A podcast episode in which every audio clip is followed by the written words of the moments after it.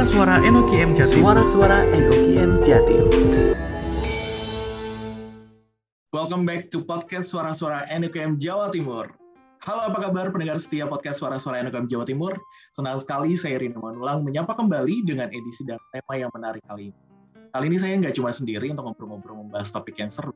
Saya akan ditemani oleh host baru di podcast ini, namanya Febrian. Halo Febrian. Halo Bang Rino, perkenalkan saya Febrian Rufata, new member ya di new member dan akan terus jadi partner gue nih ya buat podcast ini ya. Apa kabar Rian? Alhamdulillah baik Bang. Bang Rino gimana Bang? Ya lumayan, mulai sehat. mulai sehat kembali ya, karena memang dengar-dengar habis dari ini ya, lagi recovery iya. ya. Bener, karena saat ini lagi merebak banget nih isu COVID-19 ya dan uh, lagi jalan gelombang ketiga untuk kasus COVID-19 di Indonesia. Belum lagi kasus demam berdarah yang juga tinggi banget ya. Update kasus Omicron juga pas per 10 Februari ini penambahannya itu 40.618 kasus, Bang.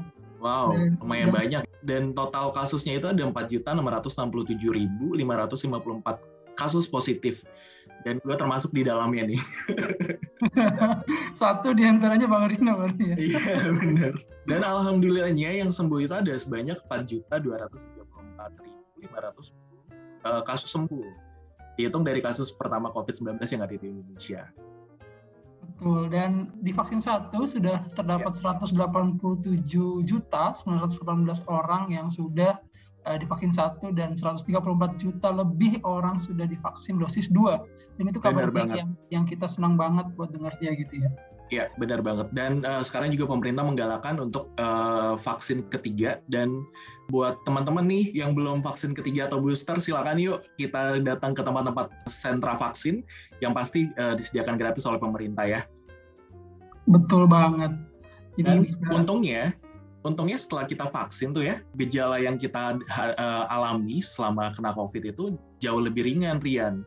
Jadi mm-hmm. nggak mm -hmm. seperti kasus-kasus berat yang seperti yang kita dengar tentang COVID-19 gitu. Mungkin karena satu dan lain hal bang yang kita bisa kena mungkin bisa pola kesehatan, pola eh, apa namanya hal-hal yang yang terkait dengan kesehatan kita gitu ya.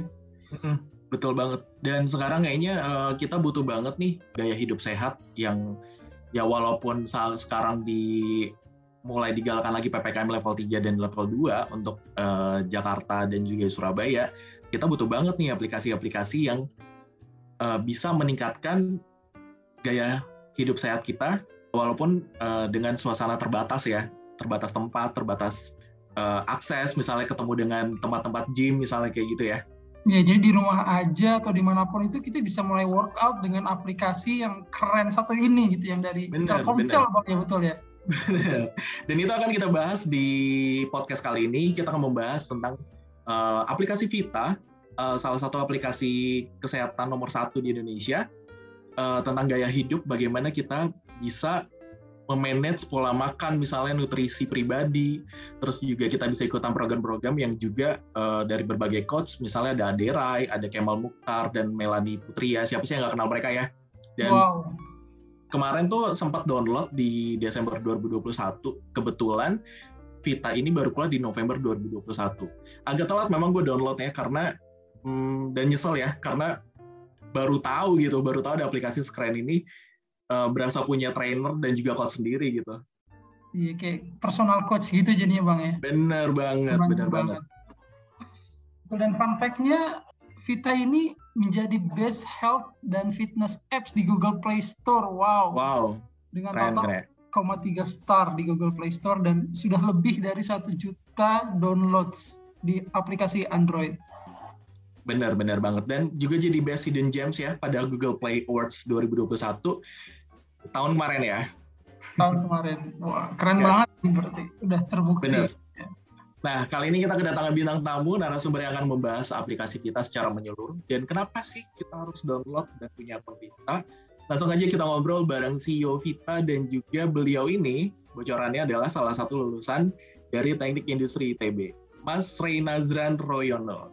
Halo Mas Rey, apa kabar? Halo Mas Rey. Halo, halo Mas Rino, halo Mas Rian. Uh, saya baik, apa kabar nih? Mas Rino, Mas Rian juga. Alhamdulillah baik. Alhamdulillah baik. Kesibukannya sekarang apa Mas?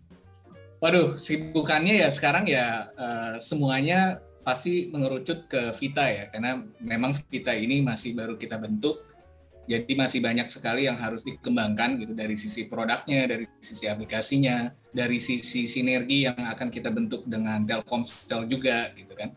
Positioningnya juga kita ada beberapa pivoting, service-service yang tadinya nggak ada itu akan kita keluarkan gitu kan. Jadi uh, memang kesibukannya lebih banyak di situ gitu. Kalau misalnya sebagai entrepreneur gitu, um, kita selalu bilang bahwa yang namanya work life balance itu agak, agak susah untuk di define. Kenapa? Karena um, work life balance itu nyampur baur. Ya, Betul. Uh, biasanya orang kan bilang wah work life balance gue kurang gitu kan. Tapi buat mm-hmm. saya sih karena passionate banget gitu kan, apalagi ini uh, visinya sangat mulia menyehatkan bangsa Indonesia gitu jadi apa yang pengen kita kembangkan uh, when it comes to visi yang pengen kita capai, ya jadinya fashion itu malah mengalahkan uh, kelelahan yang kita alami kalau misalnya memang tidak terjadi work life balance gitu kan. So kalau ditanya ya kesibukannya ya itu sih Mas Rian. Vita oh, is the ya. priority gitu buat buat gua gitu ya. Uh, karena masih baru banget ya Mas Rian baru tiga bulan lah ya istilahnya ya uh, dikenalkan ke, ke publik gitu. Betul. Ini. Iya, jadi memang uh, masih dibilang masih baru banget gitu ya. Tapi meskipun baru banget, yang perlu dibanggakan gitu sebagai satu ekosistem yang dimiliki oleh Telkomsel adalah ya.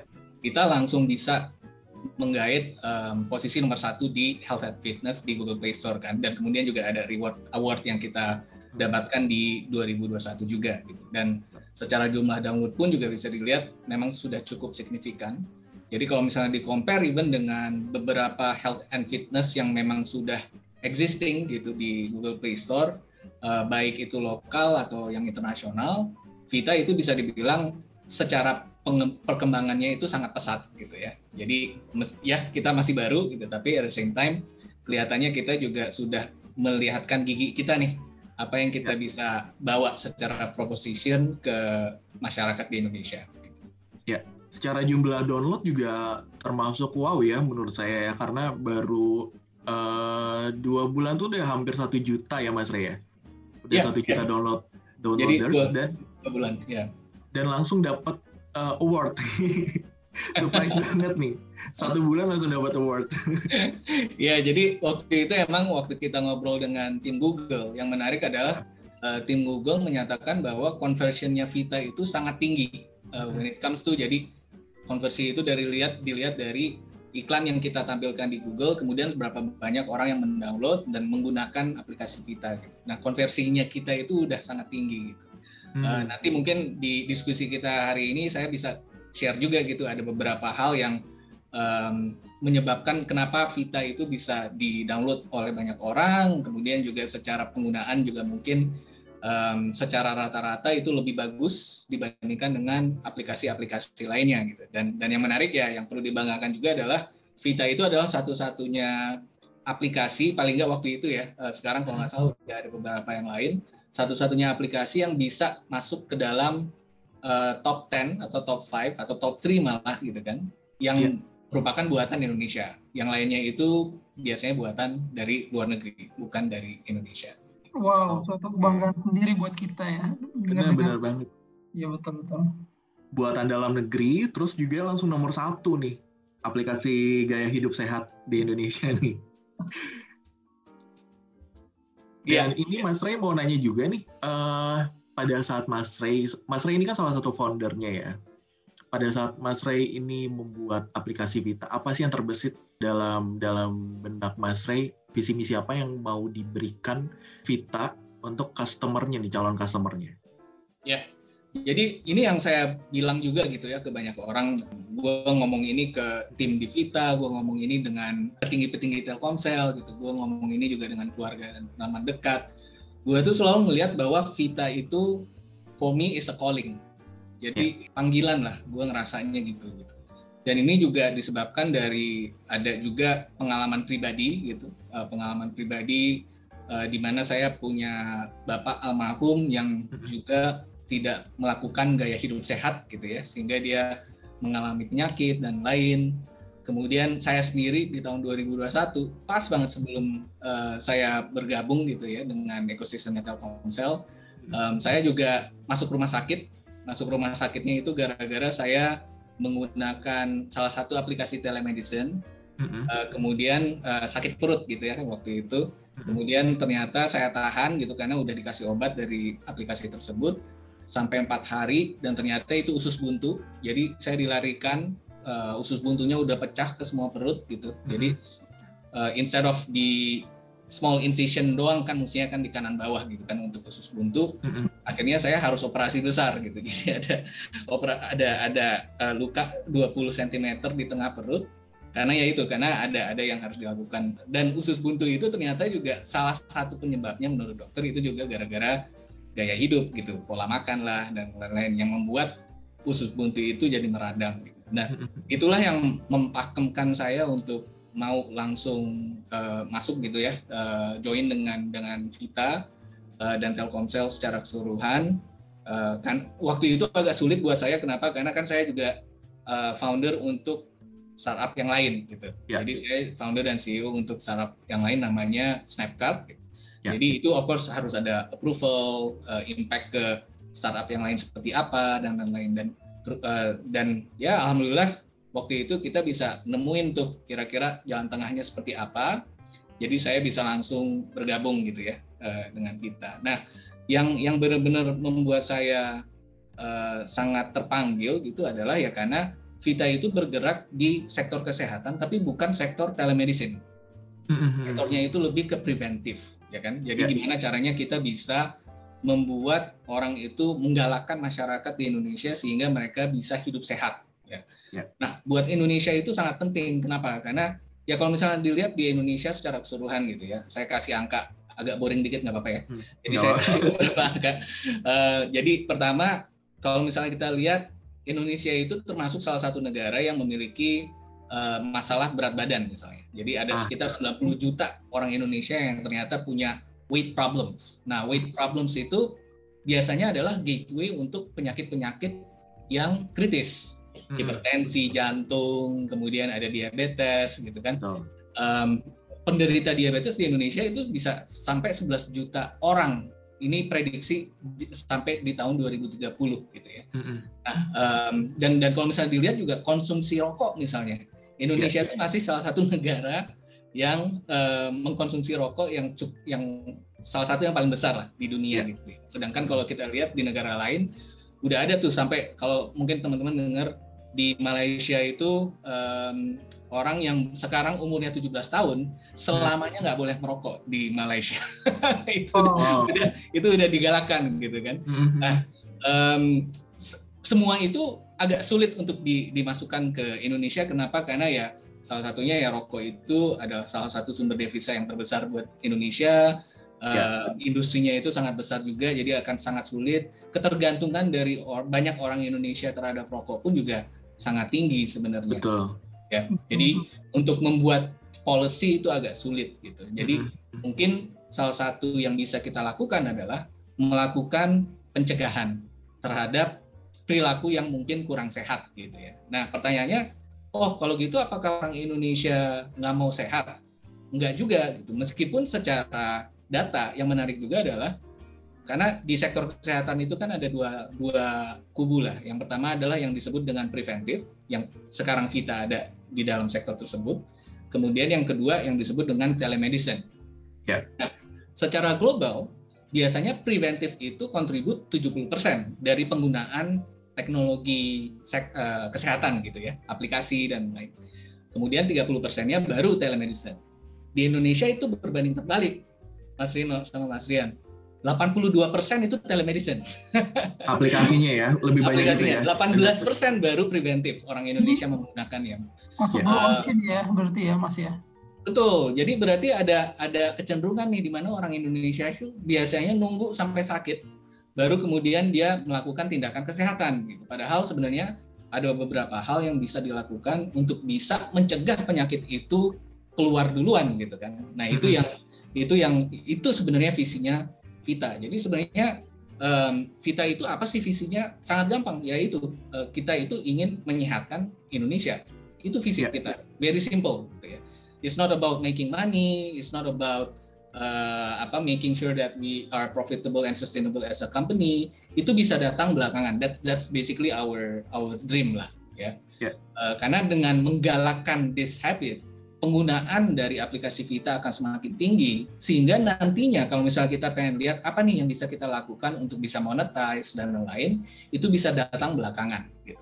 Jadi intinya ya kita cari framework apa nih yang bisa membuat orang Indonesia itu lebih disiplin untuk bisa melakukan tindakan-tindakan atau gaya hidup yang lebih sehat. Gitu sih Mas Mas Rino, Mas Rian. Tujuannya mulia banget ya. Berarti mengajak masyarakat Indonesia, penggunanya ya terutama ya, untuk hidup sehat. Itu penting banget.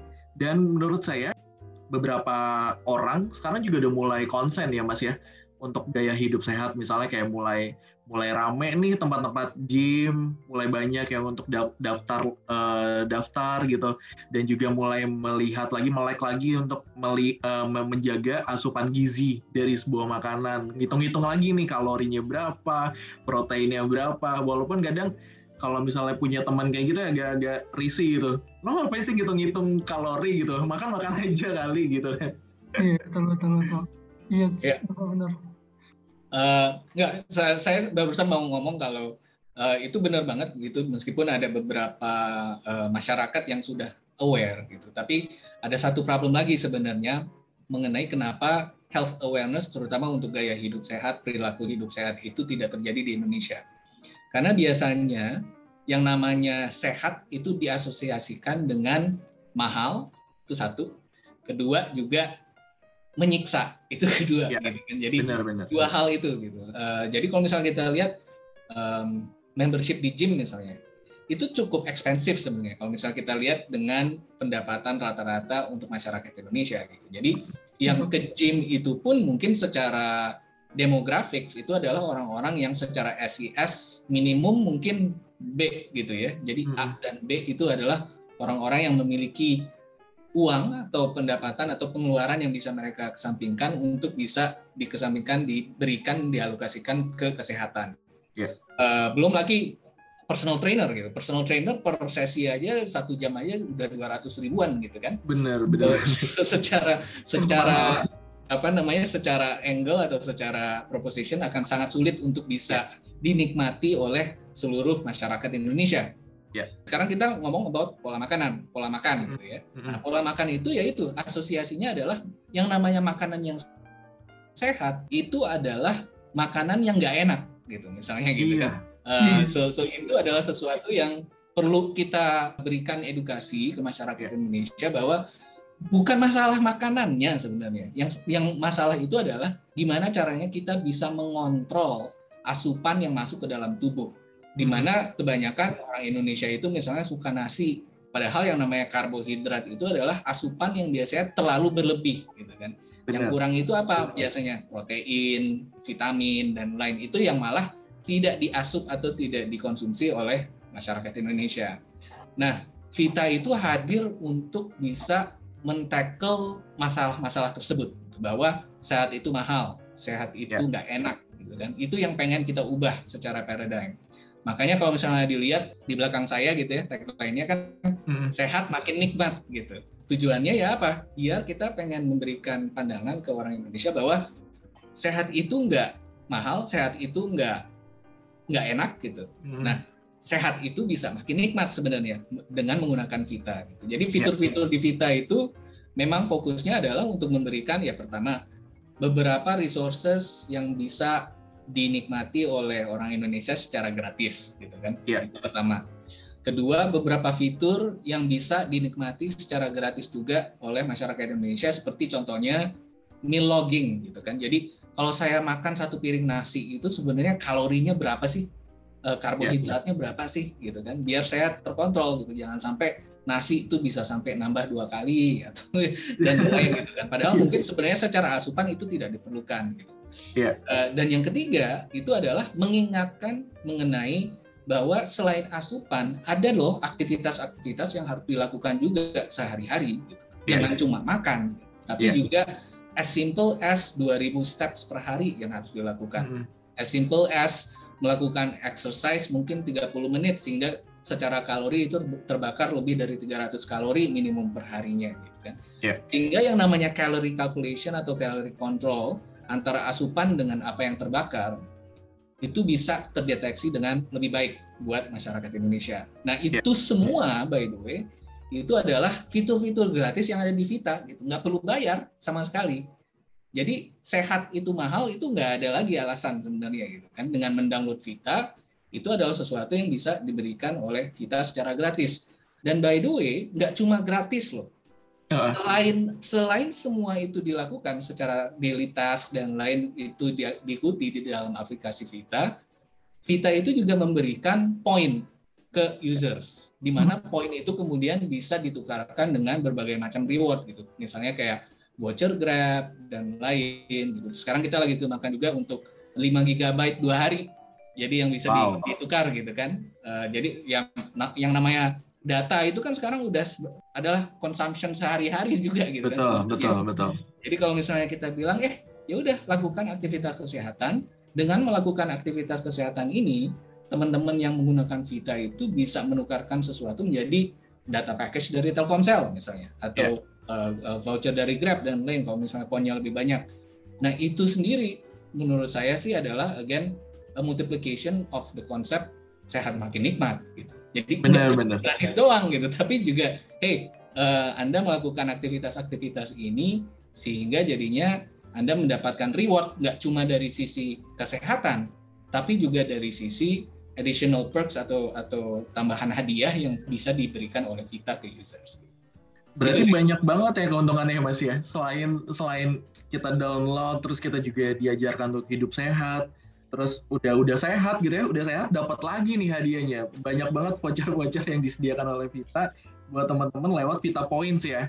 Betul betul. Nah ya. uh, makanya mustinya sih mustinya udah nggak ada lagi tuh yang namanya alasan di mana masyarakat Indonesia itu masih melihat bahwa sehat itu mahal atau sehat itu tidak enak gitu kan. Nah itu Benar, itu yang kita pengen kembangkan gitu. Dan jangan lupa bahwa semua fasilitas gratis yang ada di Vita itu sebenarnya secara library itu cukup rich gitu, cukup banyak gitu. Jadi konten-konten exercise yang bisa diikuti juga lengkap, resep-resep masakan yang kira-kira bisa mengandung kalori yang rendah gitu ya dan hmm. sehat juga itu juga kita berikan secara gratis dan of course semua konten-konten ini akan kita perbarui dan kita perbanyak di masa yang mendatang juga gitu. Iya.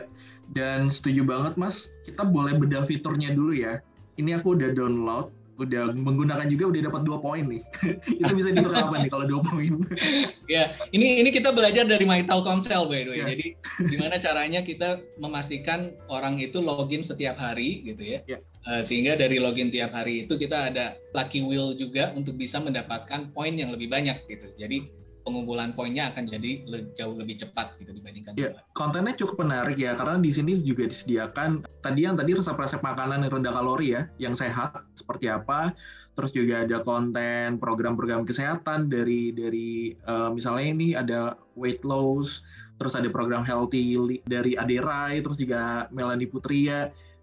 Terus juga ada kalau bisa dibilang ini juga ada personal data ya untuk untuk data asupan sehari-hari makannya apa aja, terus juga nanti dihitungin berapa kalori yang harus dikeluarkan, berapa kalori yang harus dibakar, terus ada daftar aktivitas juga.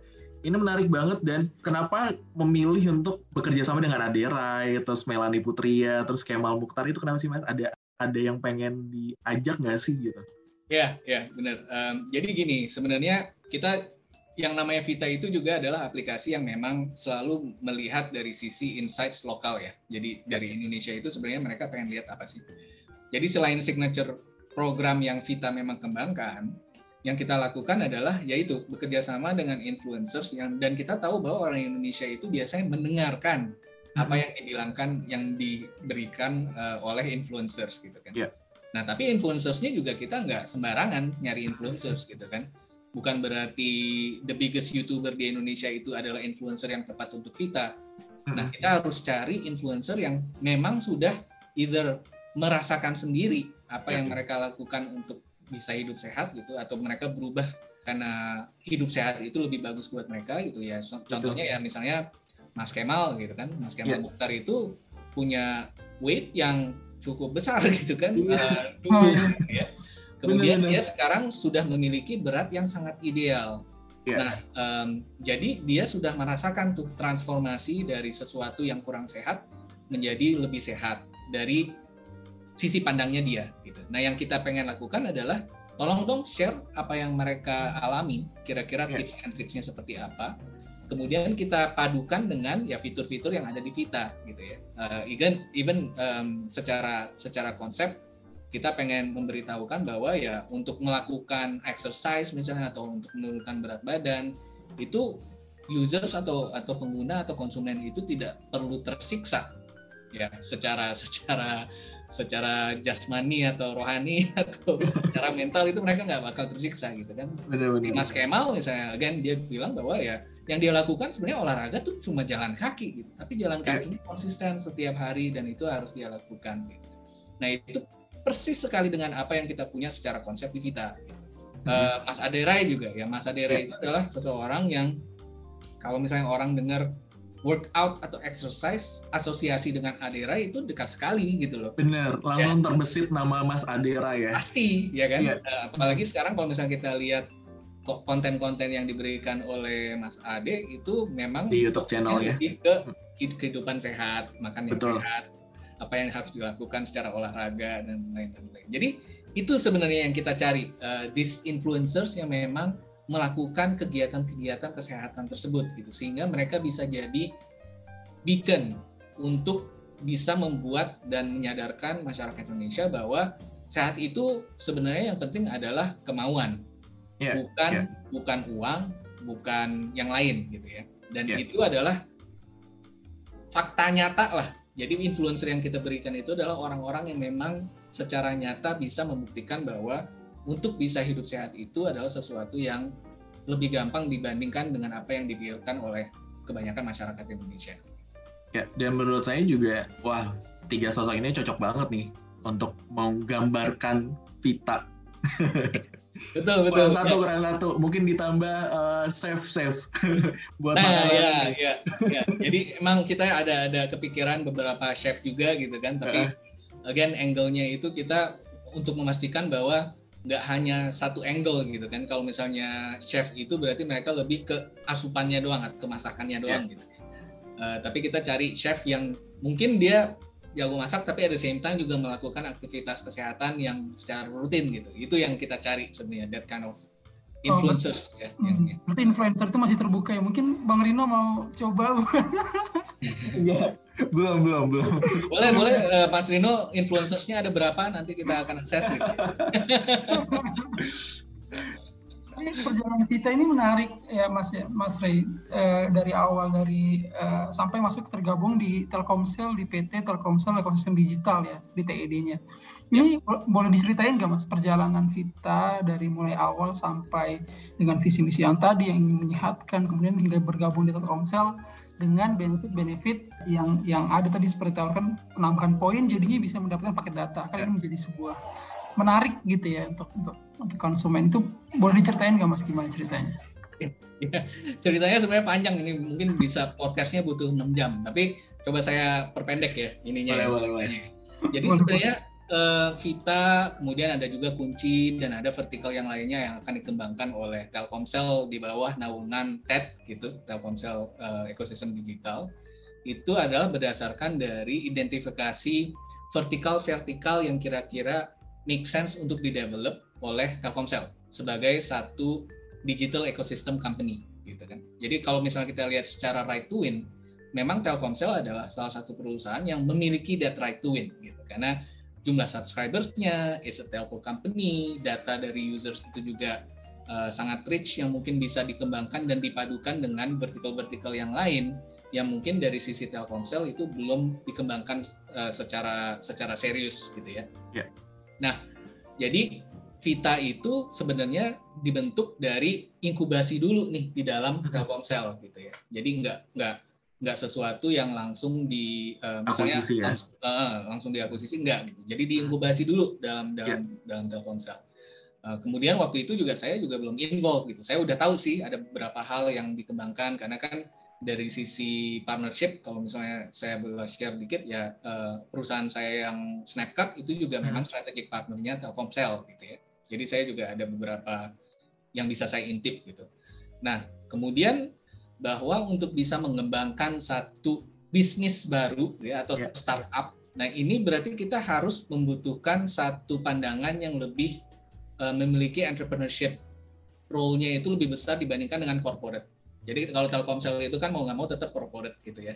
Yeah. Bureaucracies, decision makingnya mungkin agak lama dan lain-lain. Dan mungkin uh, teman-teman juga masih ingat ini selalu dibilang sama Pak Henry, Pak AMS bahwa uh, founders mentality itu adalah sesuatu yang juga penting gitu di ya. suatu yeah. perusahaan korporasi.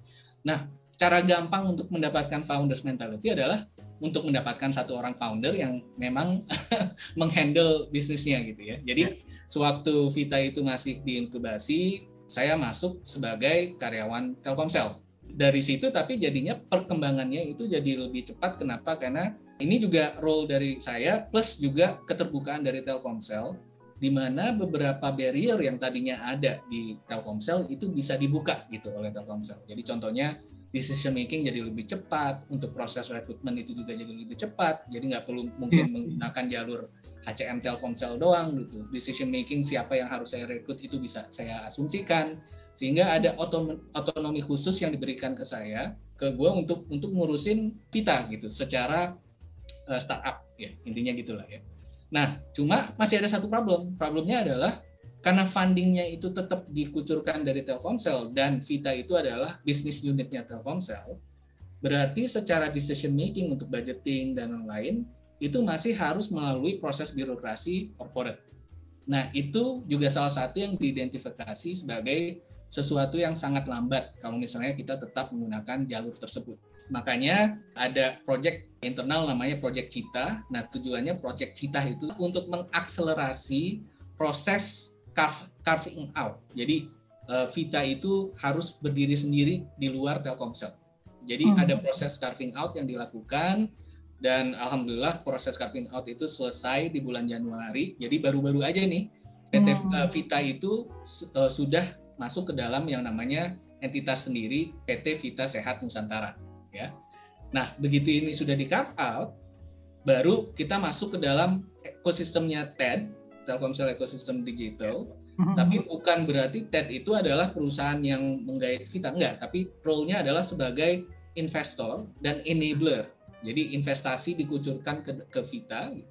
At the same time ada beberapa sinergi yang bisa dikembangkan antara Vita dan Telkomsel yang kemudian dibantu oleh TED gitu ya, yeah. Iya. Ekonomi uh, Ekosistem Digital. Jadi ceritanya itu tuh jalurnya gitu ya. Jadi secara entitas memang cukup panjang dan of course dengan perubahan-perubahan yang terjadi development of product, um, go to market dan lainnya itu juga ada beberapa yang harus kita lakukan perubahan-perubahan gitu kan sepanjang uh, 6 sampai 8 bulan gitu. Tapi ya otomatis dengan uh, dengan dengan rancangan yang sekarang gitu di mana Vita sudah berdiri sendiri dinaungi oleh TED. Jadi secara akselerasi akan saya yakin akan jauh lebih cepat dibandingkan sewaktu Vita itu masih berada sebagai bisnis unitnya Telkomsel. Iya. Jadi dan, itu sih jerninya ya, cukup panjang. Dan Vita ini cukup cukup melengkapi ya, cukup melengkapi uh, visi misi Telkomsel juga untuk mendigitalisasi Indonesia dari semua aspek, buka semua peluang. Mas Ray, boleh tanya nggak nih goals bisnisnya Vita secara umum uh, yang menjadi target di tahun 2022 ini apa sih Mas? Jadi ini juga approach yang kita lakukan di sebagai perusahaan startup juga ya, bahwa yang namanya bisnis goal itu tetap fokusnya itu lebih ke user. Jadi user itu berarti ada user acquisition, akuisisi dari pengguna ke dalam Vita. Dan yang kedua adalah engagement dari pengguna tersebut, dari user tersebut gitu ya. Jadi secara secara business metrics itu adalah primary goal-nya Vita. Gimana caranya kita bisa membuat brand awareness mengenai Vita ke masyarakat Indonesia seluas mungkin sehingga semakin banyak users yang menggunakan Vita dan merasakan nikmatnya menggunakan Vita eh, dan engagement yang kita berikan itu bisa di drive dari fitur-fitur yang akan kita kembangkan di 2022 ya. Jadi fitur-fitur itu contohnya kita juga lagi mengembangkan artificial intelligence untuk bisa membuat orang tuh kalau misalnya foto gado-gado langsung kedeteksi jadi gado-gado. Oh, kalau karedok itu karedok. Okay. Nah, jadi itu deteksi foto yang kita berikan sehingga begitu itu difoto sudah terdeteksi sebagai karedok, ya itu langsung terlihat kalorinya berapa, nutrisinya oh, seperti apa. Oke. Okay. Ya. Itu untuk Jadi, data kebutuhan data asupan ya kalorinya ya. Untuk kalorinya, betul. Ya, ya. Dan dan untuk exercise-nya kita juga artificial intelligence-nya itu lebih untuk melihat gerakan-gerakan yang dilakukan oleh pengguna oleh user gitu. Jadi hmm. misalnya oke, okay, misalnya kita ngelakuin plank gitu kan. Orang yeah. kalau misalnya ngeplank itu kan biasanya ngangkat pinggulnya terlalu tinggi gitu. Hmm, nah, dari sisi Vita itu bisa memberitahukan tanpa ada coach yang asli gitu. Jadi yeah. uh, jadi aplikasinya sendiri itu bisa memberikan informasi bahwa oh pinggulnya ketinggian, turunin dikit gitu. Biar biar itu sesuai dengan gerakan yang kita pengen berikan gitu ya. Jadi yeah itu adalah fitur-fitur terobosan gitu yang akan kita coba keluarkan. Tapi at the same time, of course, fitur-fitur tersebut mungkin tidak semuanya gratis. Nah, ini ini ada ada angle yang lain nih dan dan mungkin teman-teman di IS juga bisa ngebantuin nih begitu. Nah, Mas Ray, boleh nggak bagi tips untuk anak-anak muda yang uh, sekarang lagi terjun ke dunia startup digital Indonesia nih? Iya, ya mungkin mungkin tips saya ya pertama bahwa yang namanya membuat satu perusahaan atau satu startup, uh, terutama yang di bidang teknologi itu memang selalu dimulai dari satu misi, ya misinya itu apa sih? Uh, ada orang yang membuat satu perusahaan ya karena hobi misalnya, nggak masalah itu dengan dengan hobi, gitu. tapi problemnya dengan hobi berarti ada kemungkinan itu nggak dipakai, misalnya gitu ya. Eh, nah, biasanya yang paling gampang untuk bisa menelurkan suatu uh, perusahaan atau startup itu adalah kita mulai dari problemnya dulu gitu. Ada masalah nggak sih sebenarnya? Kalau misalnya ada masalah, ada yang ada yang memberikan solusi nggak sih ke masalahnya gitu. Kalau misalnya belum ada, that's great gitu. Kalau misalnya udah ada, udah optimize nggak sih sebenarnya masalah yang di, di uh, coba diselesaikan gitu. Yeah. Nah, begitu itu sudah di-identify, the first thing yang harus kita lakukan sebagai entrepreneur adalah mencoba melakukan yang namanya product market fit. Jadi mm -hmm.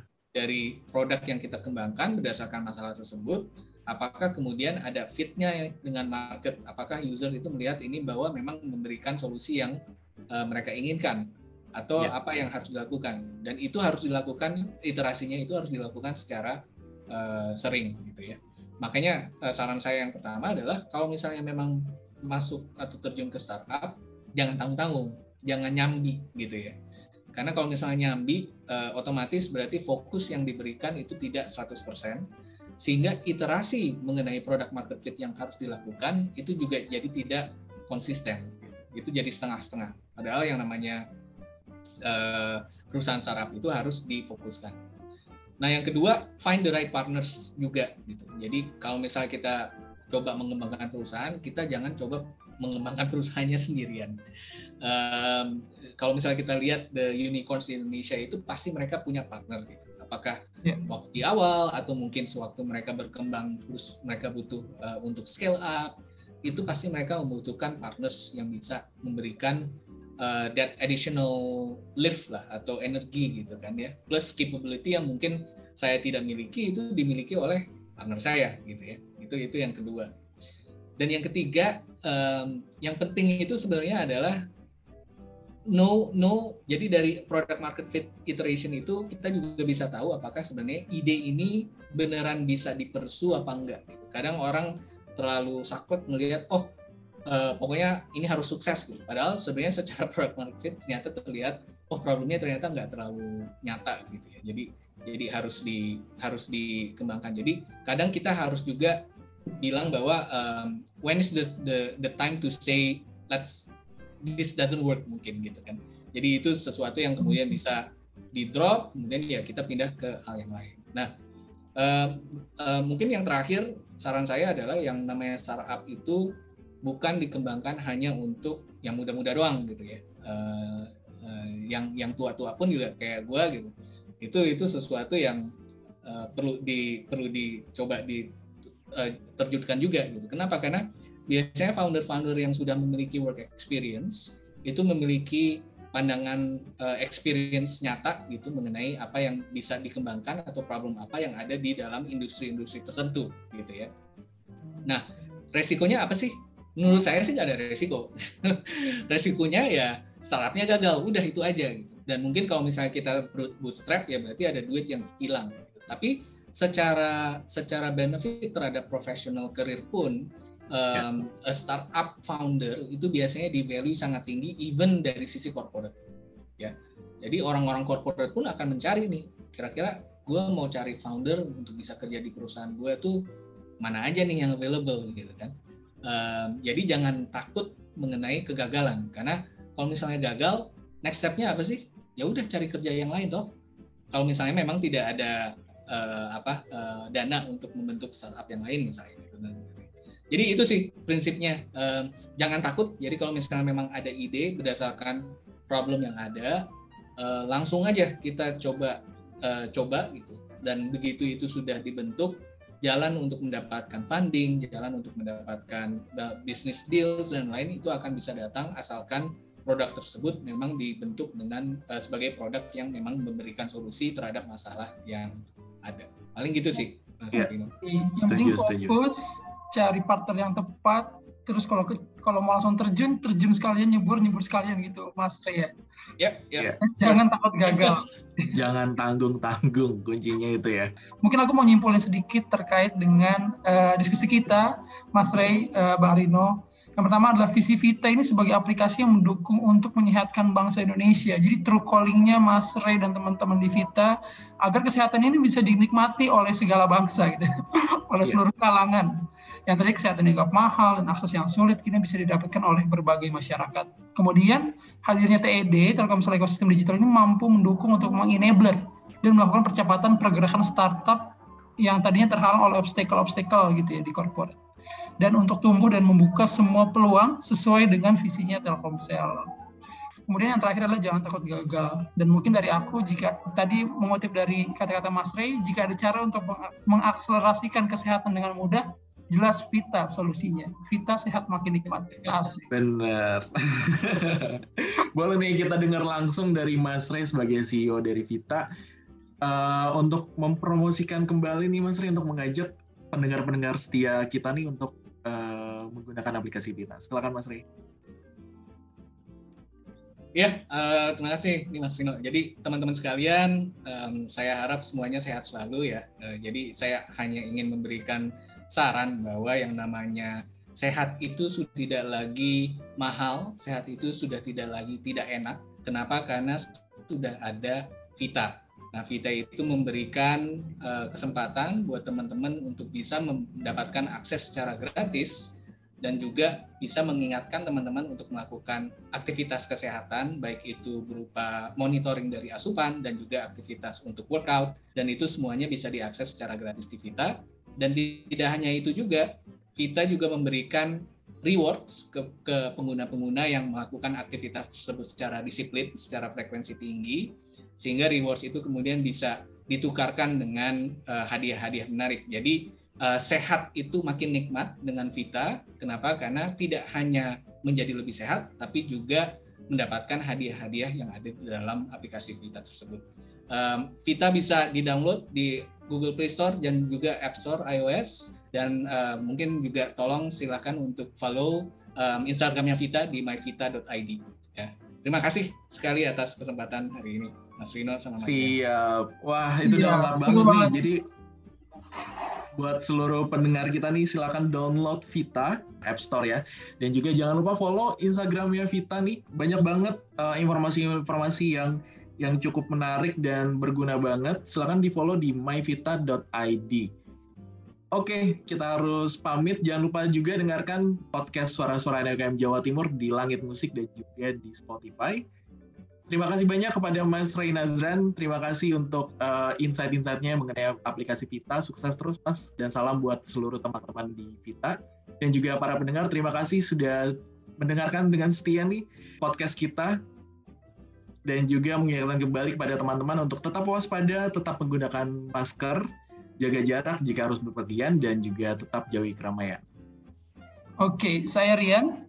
Dan saya juga Rina Wanulang. Izin undur diri, stay safe, jaga protokol kesehatan. Sampai jumpa di podcast kita berikutnya. Oke, bye-bye.